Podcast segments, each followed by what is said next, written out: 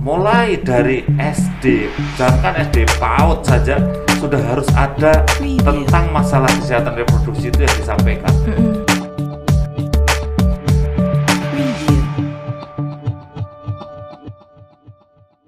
Hai Sobat BKKBN Bali, apa kabar kalian semuanya? Kembali lagi di BKKBN Podcast Jangan lupa dengan We Talk We Learn Jadi di podcast ini kita kedatangan tamu yang sangat spesial sekali Tidak lain lagi yaitu Bapak Dr. Hasto Halo Bapak, halo, selamat apa sore. kabar? Sehat, alhamdulillah. Waduh, Iya. spesial sekali episode kali ini kalian sangat gimana ya kayak bersyukur sekali dapat menonton podcast ini eksklusif dari Dokter Hasto. Waduh, Bapak gimana nih Pak? Eh, sampai di Bali gimana nih Pak perasaannya? Ya, saya agak punya perasaan yang beda ini karena masa pandemi ya. Iya, kan. uh-uh. Masa pandemi saya turun di Bali ini rasanya wow, seperti tidak di Bali ya. Suasananya agak sepi Iya, gitu kan. uh-uh. Biasanya kan rame begitu ya. Tapi kelihatannya karena juga masyarakatnya tertib physical distancingnya. Di samping itu memang pe- eh, pendatangnya tentu belum seperti Iya, biasa ya. belum Inilah- sebanyak yang Iya, kemarin. saya Mm. berharap eh, masa-masa seperti ini kita bisa dialog seperti ini, bisa mengisi waktu, Waktu, bener. kemudian juga kesempatan untuk virtual lebih banyak gitu, sehingga ada podcast dari BKKBN di Bali ini saya appreciate ini dan Iya. eh, saya kira anak-anak muda seperti anda ini, wah ini generasi berencana, Oke. yang keren ya. Ya. Jadi podcast ini tuh sangat dioptimalkan banget sih. Kita itu uh, saya Devi kan. Jadi di genre ini sering membuat podcast ngobrol-ngobrol Iya. masalah tentang generasi berencana, tentang Iya. BKKBN karena tujuan dari podcast ini kan selain kita memberi edukasi, informasi sekaligus memberikan solusi untuk para penonton gitu. Iya, iya, dan dan begini Devi ya. Jadi sebetulnya kalau anak-anak muda remaja ini kalau saya nasihati, yang nasihati saya yang sudah generasi lama ya. Iya, uh-uh. eh, misalkan Pak Agus, Pak Kepala Perwakilan, kemudian Bu Deputi itu kan sudah generasi yang lalu gitu. Iya, ya. uh-uh. Tapi kalau yang yang ngomong Devi itu lebih mereka lebih percaya loh ya.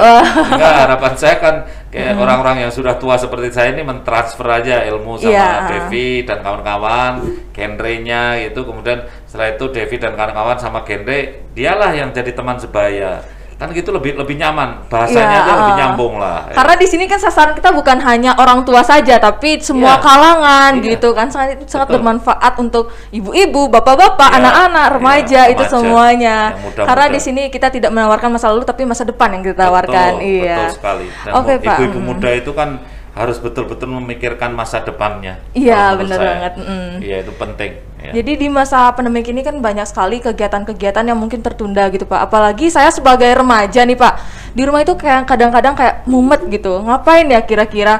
Dan selain itu juga saya dapat curhat-curhat dari teman-teman karena selain itu juga seperti yang kita ketahui bahwa di masa pandemi ini kehamilan itu pernikahan dini itu meningkat gitu Pak. Itu yang yang saya sempat baca-baca di Iya. data-data gitu di Iya. berita-berita itu banyak banget. Nah, usia remaja itu kan penuh dengan eh, keingintahuan gitu kan. Betul, betul. Banyak banget permasalahan-permasalahan salah satunya yaitu ada cyberbullying karena sekarang kan pemanfaatan media sosial itu sangat gempar gencar-gencar banget gitu kan, Betul. Pak. Nah, selain itu juga ada masalah reproduksi gitu, Pak. Iya. Nah, menurut Bapak seberapa penting sih reproduksi dan apa itu reproduksi? Karena kita masih nggak eh, banyak teman-teman mungkin yang nggak tahu gitu reproduksi. Iya, jadi kan sebetulnya kesehatan reproduksi itu kan hal ekwal yang menyangkut masalah proses reproduksi sebetulnya ya. Dan itu bagi remaja menjadi sesuatu yang pertama juga sensitif, kedua juga menjadi sesuatu yang sangat eh, krusial, sangat krusial. Kenapa begitu? Karena remaja ini menghadapi masa depan menjadi akan menjadi pasangan usia subur. Ya di mana dia pasti akan berproses reproduksi. Kemudian ada masa puber istilahnya Iya. yang di mana masa puber ini mereka masuk di dalam fungsi reproduksi. Sebelumnya belum berfungsi secara reproduksi Iya. kemudian setelah itu berfungsi. Dan ternyata gejala berfungsinya reproduksi itu membuat gonjang ganjing gitu ya. Jadi ada perubahan-perubahan ya perubahan perangainya. Karena semula itu dia hormon-hormon eh, reproduksinya belum berkembang estrogennya belum banyak. Kemudian setelah itu sekarang tumbuh menjadi seks sekunder muncul sehingga mereka pun ke berubah perangainya agak genit-genit misalnya Iya, begitu. oh, Kalau benar mohon banget, maaf ya, ya. oh. Jadi kan itu kan uh, sesuatu yang tidak bisa ditahan. Iya, gitu. benar. Perempuan yang usia misalkan uh, 12 tahun masih culun-culun, tetapi Iya. ketika umur 17 tahun agak genit itu kan Iya. apa? Itu hal yang uh, Normal, normal, uh-uh. normal. Lah oleh karena itu di situlah pentingnya ya proses reproduksi itu dipahami oleh mereka supaya mereka tidak tersesat. Ya ini ada yang uh, kita tidak ingin di Bali terjadi ya misalkan ada yang unwanted pregnancy, extramarital pregnancy atau hamil di luar nikah. Kan genre itu jangan seks di luar nikah, Mm-mm, benar. jangan hamil atau hubungan seks pada usia yang Iya, dini, mm-mm. kemudian tidak melakukan nafsa juga Iya. narkotika, kemudian yang mabuk-mabukan itu, kan itu salamnya genre kan tiga Triad zero itu, KRR, ya. Eh, itu kan begitulah. Itulah makanya eh, apa saya berharap Devi dan kawan-kawan ini bisa menjadi motor penggerak lah untuk Iya, untuk mensosialisasikan pengertian-pengertian tentang kesehatan reproduksi. Gitu. Tadi kan sempat Bapak menyebutkan tentang kita harus menginformasikan remaja gitu kan. Dan bahkan di lingkungan kita saat ini ada beberapa hal yang mungkin tabu banget dibahas oleh orang tua tentang reproduksi. Mhm. Kayak misalnya orang tua menginisialkan. Kalau misalnya maaf, kan kita kalau misalnya pria itu ada namanya penis, wanita ada vagina, tapi orang tua menginisialkan dengan ada yang burung gitu kan biasa banget Ya, gitu orang tua. ya, Jadi ya, ya, seberapa ya, ya. penting sih Pak so- Ya. informasi itu diberikan kepada anak-anak, kepada remaja, dan seberapa penting sih orang tua menginformasikan tentang reproduksi kepada remaja dan anak-anaknya itu, Pak? Ya, sebetulnya bagi saya istilah tidak ada masalah ya. Mm-hmm. Kalau misalkan ngomong penis itu dianggap tabu, ya udahlah nggak ngomong penis, ngomong burung juga boleh kan Mm-hmm. itu. Karena kalau di Jawa itu kalau ngomong vagina itu tabu ya sudah apalah ngomongnya. Oh, Karena gitu. kalau orang Jawa mungkin ada bilang apa ada yang bilangnya ya masih tabu juga. Kalau tempe itu tabu juga ya Bu ya. Oh. Tapi bu, apa bolehlah kita organ uh, reproduksi atau organ seks perempuan, organ reproduksi laki-laki itu kan bahasa yang istilahnya bahasa yang netral, Iya, halus, tidak berkonotasi terlalu apa ya, terlalu negatif ya. Oh, Jadi gitu, uh, tetapi yang paling penting bukan masalah bahasanya, istilahnya, tetapi yang paling penting ini substansinya itu disampaikan. Kalau Oh, menurut saya gitu. begitu. Iya, iya. Karena saya bicara di mana-mana, saya ulang-ulang nih ya. Eh, mulai dari SD, jangankan SD PAUD saja sudah harus ada tentang masalah kesehatan reproduksi itu yang disampaikan. Sederhana saja. Misalnya kita eh, ngajari anak-anak perempuan kecil-kecil yang umurnya masih lima tahun, enam tahun itu, adik-adik, ayo kita jaga ya organ reproduksinya ini a- a- a- jangan sampai kotor. Oh, Iya, iya, iya. Kalau laki-laki mungkin titiknya jangan sampai kotor. Oh, ya. iya, ah. Kalau perempuan ada yang memeknya jangan sampai kotor. Gitu. Sebetulnya kalau kita hanya bicara seperti itu, saya kira ya masih bisa kita maklumi lah. Oh, iya. Itunya jangan sampai kotor gitu. Nah, kenapa kita menjaga supaya tidak kotor? Karena organ reproduksi perempuan ini sebetulnya berlubang dari luar sampai dalam. Sampai ke rongga perut itu. Sehingga kalau ada bakteri masuk ke bawah itu sampai bisa sampai rongga perut loh. Kalau untuk perempuan itu. Oh, iya. Sehingga keputihan berbulan-bulan bahkan bertahun-tahun itu bisa terjadi ketika kemasukan kotoran pada anak-anak. Saya pernah punya pasien ini, anaknya umur 10 tahun, uh, dia sering main pelusutan di sawah itu. Nah, Oh. ternyata apa-apa celana dalamnya atau CD-nya itu bisa mensle ke kanan, Iya. mensle ke kiri Oh. gitu. Sehingga ah, kotoran-kotoran itu masuk gitu. Nah, dalam keadaan seperti ini, ini menimbulkan infeksi berkepanjangan. Ini contoh saja ya, Iya, bahwa ah. ternyata anak SD pun sudah penting untuk kita jaga kesehatan reproduksinya. Kita Iya. kasih pemahaman dengan mulai yang sederhana ini tadi. Iya, ah, ah. Ini menjaga kesehatan reproduksi. Anak laki-laki contohnya ya, umur lima tahun kita kenali dong, tes-tesnya dua atau satu. Oh iya. Karena kalau tes-tesnya cuma satu, bahaya ini. Karena apa? Berarti yang satunya itu tidak turun. Kalau tidak turun bisa jadi kanker gitu.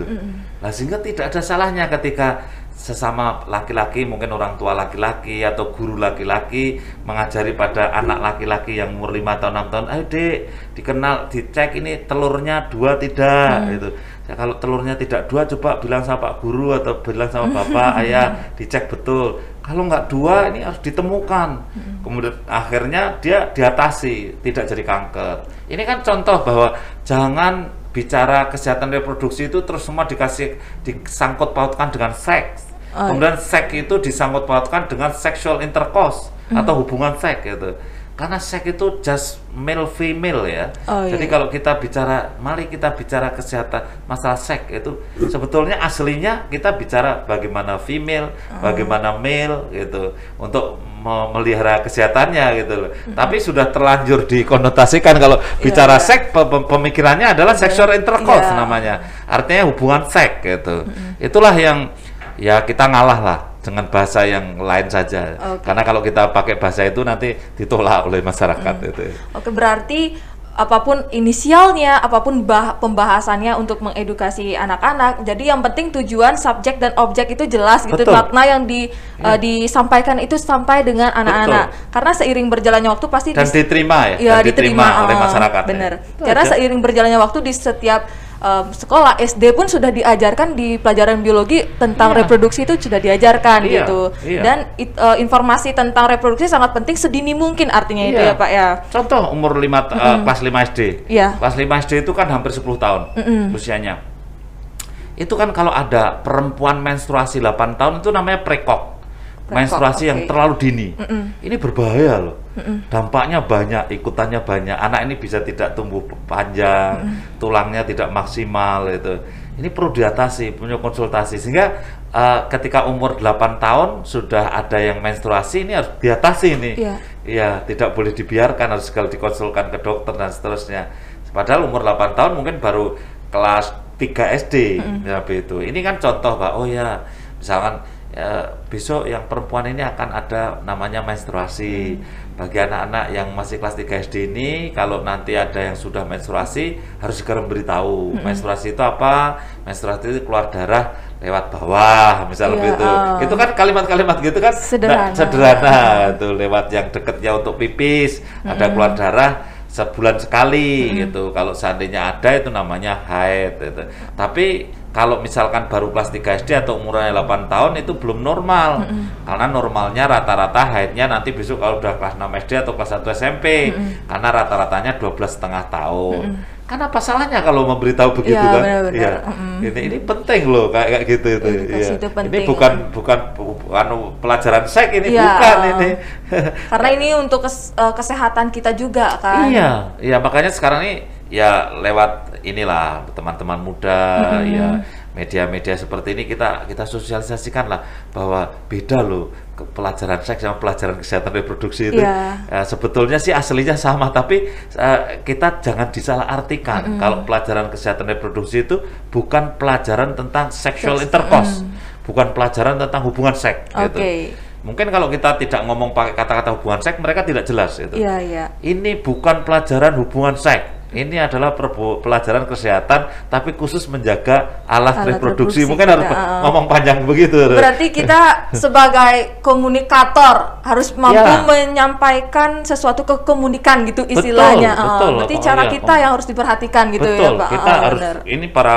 komunikator yang muda-muda, Mbak Devi dan kawan-kawan ini harus memang memahami, menguasai dulu. Iya, uh. Setelah itu nanti baru kita sampaikan kepada komunikan Hmm, gitu. Gitu. Tapi tadi kan sempat menyinggung tentang eh, anak ada anak-anak yang udah menstruasi di usia Hmm. masih dini. Kalau boleh tahu sedikit nih Pak, kenapa sih bisa terjadinya menstruasi em, ada anak-anak di usia dini gitu Pak? Karena kita kan nggak pernah tahu apakah ada faktor lingkungan atau gen atau sebagainya gitu. Iya, memang memang ada faktor lingkungan, ada faktor gen. Jadi anak-anak perempuan yang terpapar, terekspos dengan kegiatan-kegiatan, misalkan nonton film, nonton uh, foto-foto yang ada pornografi dan Iya. sebagainya, memang mereka-mereka ini akan lebih terpacu. Oh. Di samping itu masalah gizi, mereka yang banyak makan makanan yang bergizi lebih memang agak sedikit relatif maju gitu. Menstruasinya dibanding yang yang kurang gizi misalnya begitu. Itu memang ada faktor gizi ada faktor lingkungan pergaulan lingkungan itu juga Oh. sangat berpengaruh pergaulan dan gizi itu dua-dua itu. Walaupun dari uh, pergaulan eksternal gitu terpengaruh juga ya Pak sama reproduksi kita. Memang memang kenyataannya begitu ya. Bahkan orang menstruasi aja bisa menular loh. Ya, Oh, ini kan baru tahu fenomena saya. yang Uh-uh. fenomena yang unik ya. Jadi ketika satu kamar itu misalkan menstruasinya yang satunya masih lima hari lagi. Terus Ya, sekarang oh. kita yang satunya itu belum belum jadwalnya sud- menstruasi masih lima hari lagi. Yang satunya men. Terus dia tidur satu kamar. Itu aja yang satunya ikut maju nanti. Iya, gitu. Uh-uh. Memang ada namanya feromon ya. Feromon itu ya tidak kelihatan. Jadi sesuatu yang yang eh, apa ya ditangkap oleh perempuan sesama perempuan yang kemudian bisa saling mengaruhi. Yang paling mudah diterangkan untuk feromon itu di kucing. Kucing jantan sama kucing perempuan. Kucing perempuan tuh kalau birahi dia mengeluarkan eh, zat feromon. Terus kucing jantan jaraknya satu kilo itu bisa meraung-raung gitu. Oh, ya bisa iya, datang iya. gitu. Ternyata perempuan sama perempuan itu juga mengeluarkan feromon tapi nggak sadar gitu. Oh, kalau iya. kucing sadar, ya, tapi kalau orang nggak sadar, tahu-tahu mainnya maju gitu. Jadi, Oke. jadi ada ada yang unik-unik seperti itu ya. Ada Ini yang- baru tahu banget sih Pak bahwa kayak em, faktor luar tuh mempengaruhi karena memang Ya. benar kayak saya punya teman-teman sekolahan kok kita jadinya kayak saling mengingatkan itu, ih aku udah loh, kamu juga udah, ya aku besok, aku besok, ya aku Iya. udah kayak Ya. kayak berdekatan gitu, Iya, gitu iya, benar-benar. memang, gitu. Oke, terus kalau misalnya kita menstruasi kan berarti ki- reproduksi kita udah siap untuk membuahi gitu ya Pak. Karena apabila kita melakukan hubungan intim berarti kita siap untuk dibuahi, benar gitu Iya, Pak? Mm-mm. iya, iya. Jadi menurut Bapak usia berapa sih ideal untuk menikah antara perempuan dan laki-laki? Ya, jadi ketika kita menstruasi sebetulnya kalimat yang tepat bukan kita siap untuk dibuai. Oke, Tapi oh, karena koreksi. siap itu dalam arti eh, fungsi segala-galanya baik ya. Oh, um, Tapi kita itu bisa hamil. Oh, gitu. bisa, oke. Bisa hamil. Begitu menstruasi bisa hamil loh. Ah, Hati-hati loh, Hati-hati, bisa hamil bener loh. banget, eh, uh-uh. Begitu menstruasi. Karena orang itu begitu menstruasi 14 hari sebelum haid dia mengeluarkan telur. Jadi telur selalu keluar 14 hari sebelum haid.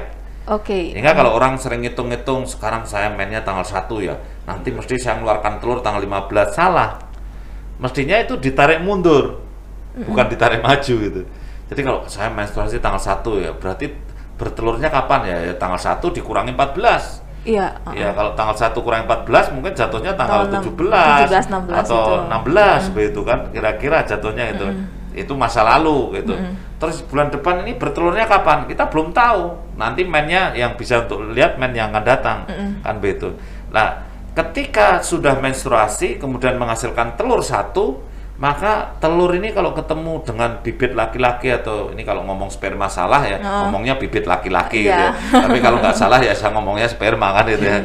Calon, calon. Ya, jadi ini kalau bibit laki-laki itu ketemu pada saat telur keluar tadi, maka jadilah calon uh, embrio, calon Iya. bayi hamil akhirnya. Meskipun Anda baru usia 13 tahun, ini bisa terjadi kehamilan.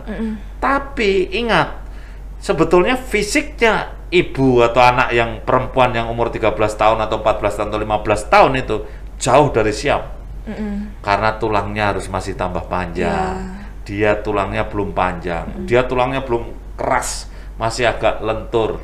Iya, tulang rawannya masih agak banyak. Begitu dia hamil, berhenti itu pertumbuhan tulang itu.